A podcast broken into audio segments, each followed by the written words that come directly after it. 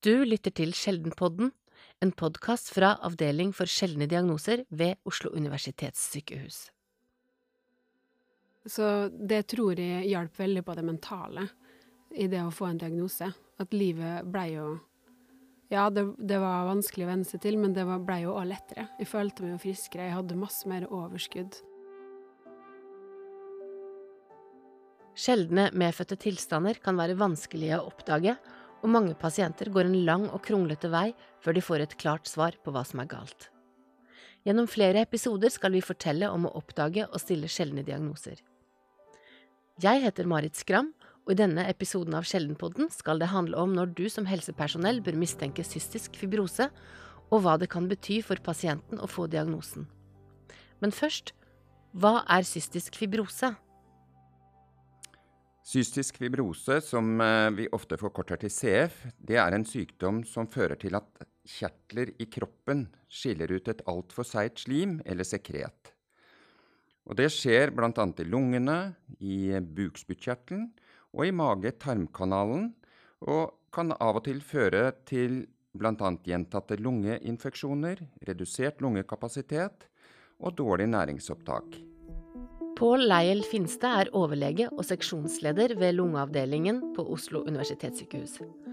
Han jobber også som overlege på Norsk senter for cystisk fibrose, som er et nasjonalt kompetansesenter ved OUS. Det er ca. 350 pasienter med cystisk fibrose i Norge, og Pål har møtt og behandlet mange av disse.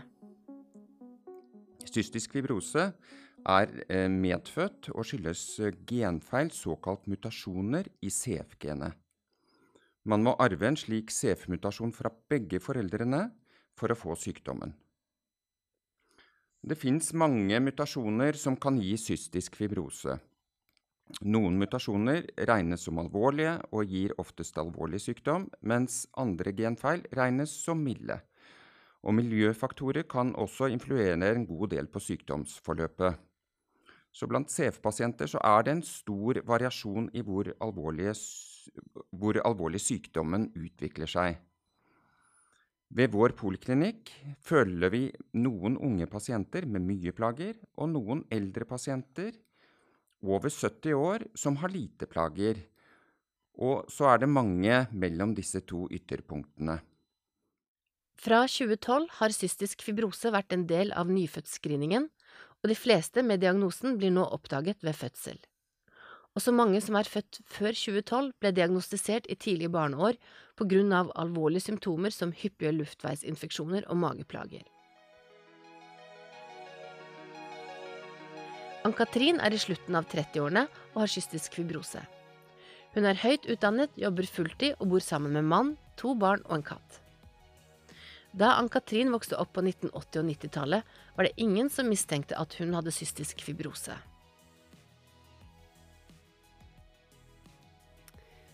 Jeg ehm, hadde jo en veldig normal barndom. Eh, aktiv barndom. Eh, uten symptomer eller eh, noen andre tegn på sykdom, da. Så eh, spilte fotball og klarinett og gikk i kor og eh, Frem til eh, midten av tenårene. Jeg var jo aktiv med å spille fotball frem til jeg var sånn 16. Eh, så fra 17-18-årsalderen så begynte jeg å få litt mer symptomer. Som var da hoste eh, mest, da. I hvert fall i begynnelsen.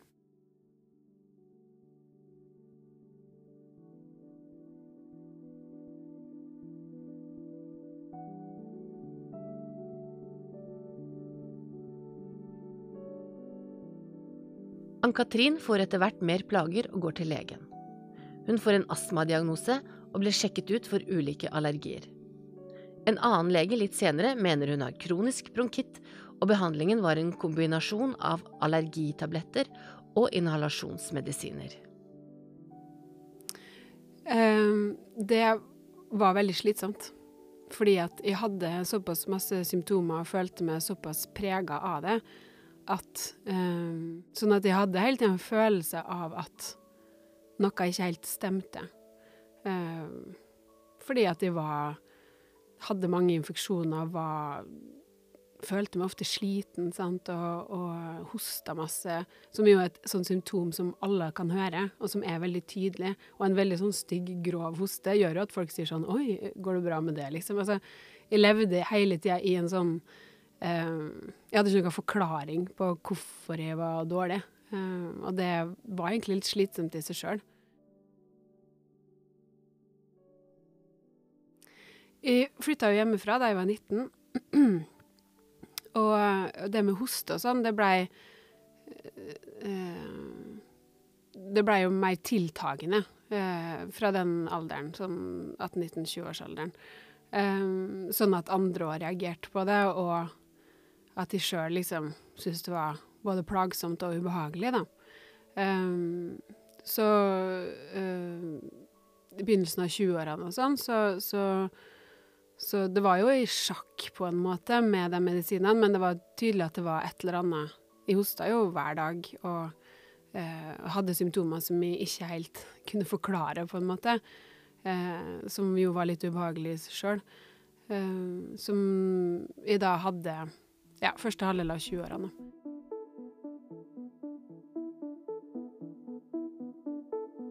Hos en person med cystisk fibrose kan det seige slimet føre til ulike organkomplikasjoner. Pål forteller at de alvorligste komplikasjonene oppstår i lungene. Og det som skjer i lungene, det er det at slim i bronkene blir svært seigt. I bronkene skal det være slim, fordi bronkene har et renovasjonssystem som kalles det mukosiliære apparat. Og dette systemet er slik at Slimet i bronkene fanger opp bakterier og støv som vi puster inn, og så er det små flimmerår som vifter dette slimet oppover i bronkene helt til det kommer opp i halsen og svelges unna. Men ved cystisk fibrose så er altså dette slimet så seigt at flimmerårene ikke greier å vifte det opp i halsen. I stedet for så blir det liggende nede i lungene og tiltrekker seg bakterier. Og da blir det gjentatte infeksjoner, og det er disse infeksjonene som på sikt skader lungene. Det er hovedproblemet ved cystisk fibrose. Men så er det også slimproduserende kjertler i andre organer, som f.eks. mage-tarmtraktus. Og seigt slim i tarmen kan gi obstipasjon hos en god del pasienter. Og i bukspyttkjertelen så er også slimet seigt, og det betyr at fordøyelsesenzymer ikke slipper ut i tarmen når man spiser mat, slik de egentlig skal. Og da blir fordøyelsen dårlig, og pasientene kan få magesmerter og løs avføring. Andre organer kan også eh, påvirkes, f.eks. lever, og for menn så er de aller fleste infertile fordi det er manglende sædleder.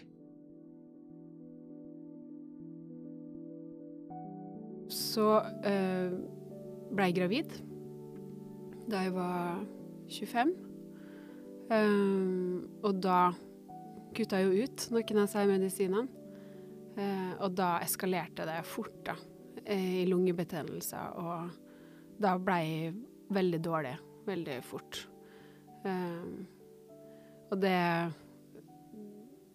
Den første halvdelen av svangerskapet så var jeg inn og ut hos fastlegen og fikk antibiotikakurer og, og, og um, gang på gang, egentlig. Um, til da jeg kom inn den fjerde gangen, kanskje. Jeg fikk en antibiotikakur. Gikk det to dager etter den var avslutta, og så var jeg like dårlig igjen. Så når, den siste gangen jeg kom inn til fastlegen, så sa hun at du, vi må legge det inn. Jeg veit ikke hva dette her er, og jeg klarer ikke å hjelpe det skikkelig. Så da ble jeg innlagt på sykehuset, da.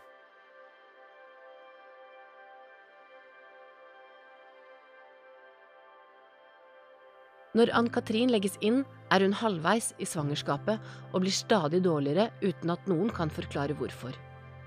Men på sykehuset møter hun en lege som tilfeldigvis har jobbet med cystisk fibrose i Tyskland, og som vil ta svettetest og genprøve.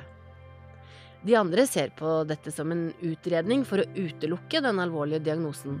Men det blir en bekreftelse på at den tyske legen har rett i sine mistanker. Ann-Katrin har cystisk fibrose. Jeg hadde aldri hørt om den sykdommen her før. Eh, jeg visste ikke hva det var, eller hva det ville bety. Jeg fikk beskjed om å ikke google det. Men det var vanskelig å ta inn over seg, da. Eh, fordi det jeg leste, var jo veldig, veldig alvorlig. Eh, og så syns jeg litt synd på mamma, som jobber på, jobber på lungeavdelinga på sykehuset i Molde, og visste veldig godt hva det var. Og selvfølgelig fikk både sjokk og skrekken da dette der kom opp, da. Um, Ann-Katrin beskriver det som uvant, intenst og krevende å få en diagnose, bli en del av et system og det å skulle følge opp seg selv på en måte hun aldri hadde gjort før. Samtidig som hun var gravid og visste at hun nå hadde en genetisk sykdom. Hva ville det bety for livet videre? Uh, så det var en lettelse òg i det å få et navn på det, som kunne forklare hvorfor jeg hadde hatt det sånn som jeg hadde det. Eh, og som kunne si noe om hva vi kunne gjøre for at de skulle få det bedre, rett og slett. Det var ei veldig god tid, egentlig. Fordi at um, plutselig så fikk jeg jo den behandlinga jeg skulle ha. Jeg hadde et sted å kontakte når jeg ikke følte meg i form. Uh, sånn at Spesielt de første par årene etter jeg fikk diagnosen, det var litt sånn lykketid, skulle jeg si. Fordi at selv om det var, det var en tilvenning og sånne ting, så var det jo utrolig deilig å bare føle at eh, man visste hva som skjedde i kroppen sin, og man visste hva man skulle gjøre for å holde seg frisk, da. Eh, så det tror jeg hjalp veldig på det mentale i det å få en diagnose. At livet blei jo ja, det, det, var vanskelig å venne seg til, men det blei jo òg lettere. Jeg følte meg jo friskere, jeg hadde masse mer overskudd.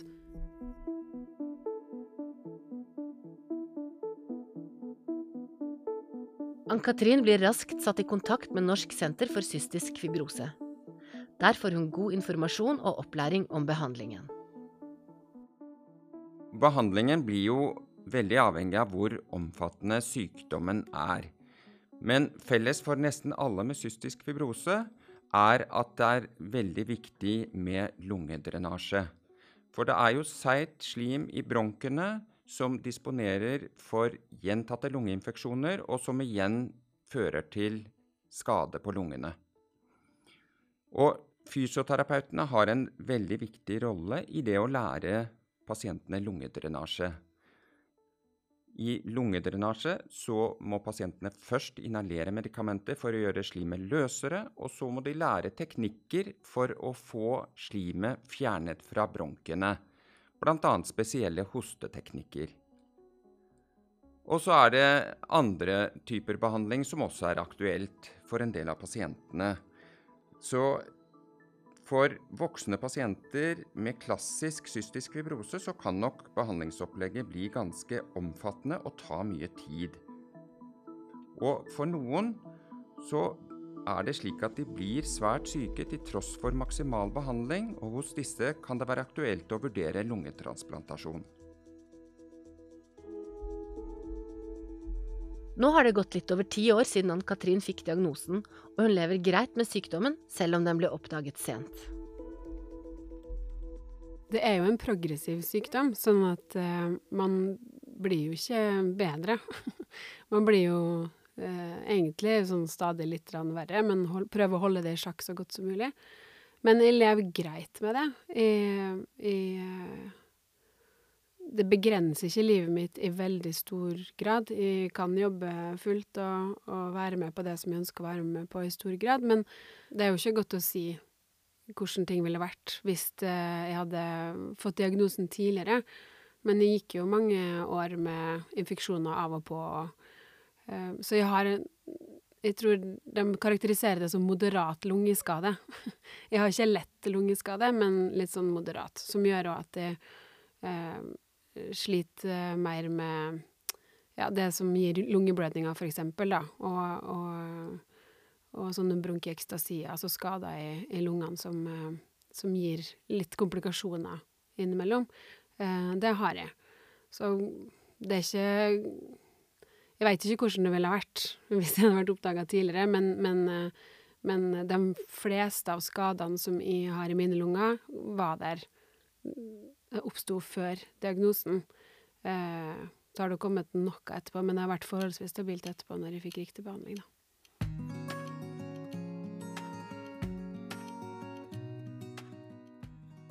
I denne serien av Sjeldenpodden ser vi nærmere på det å oppdage og stille en sjelden diagnose, og du har i denne episoden hørt om cystisk fibrose og hvor viktig det er for pasienten å få riktig diagnose og behandling.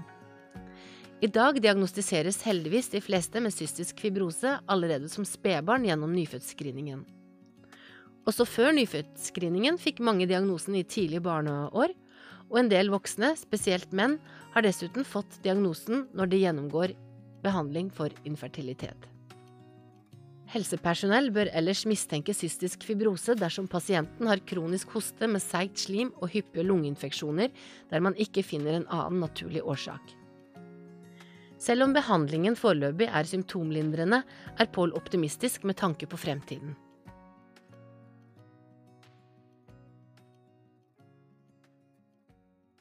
Det jeg ser for meg, og det jeg håper på, det er at pasientene For det første så får de diagnosen allerede ved fødsel gjennom nyfødtscreeningen. Og så får man kartlagt hva slags genfeil de har. Og så finnes det medikamenter som er spesiallaget for den typen genfeil, altså en form for persontilpasset medisin. Og så virker disse pasientene så fint at kjertlene i kroppen produserer normalt slim, og at disse pasientene kan leve et tilnærmet normalt liv. Det er det jeg håper for fremtiden.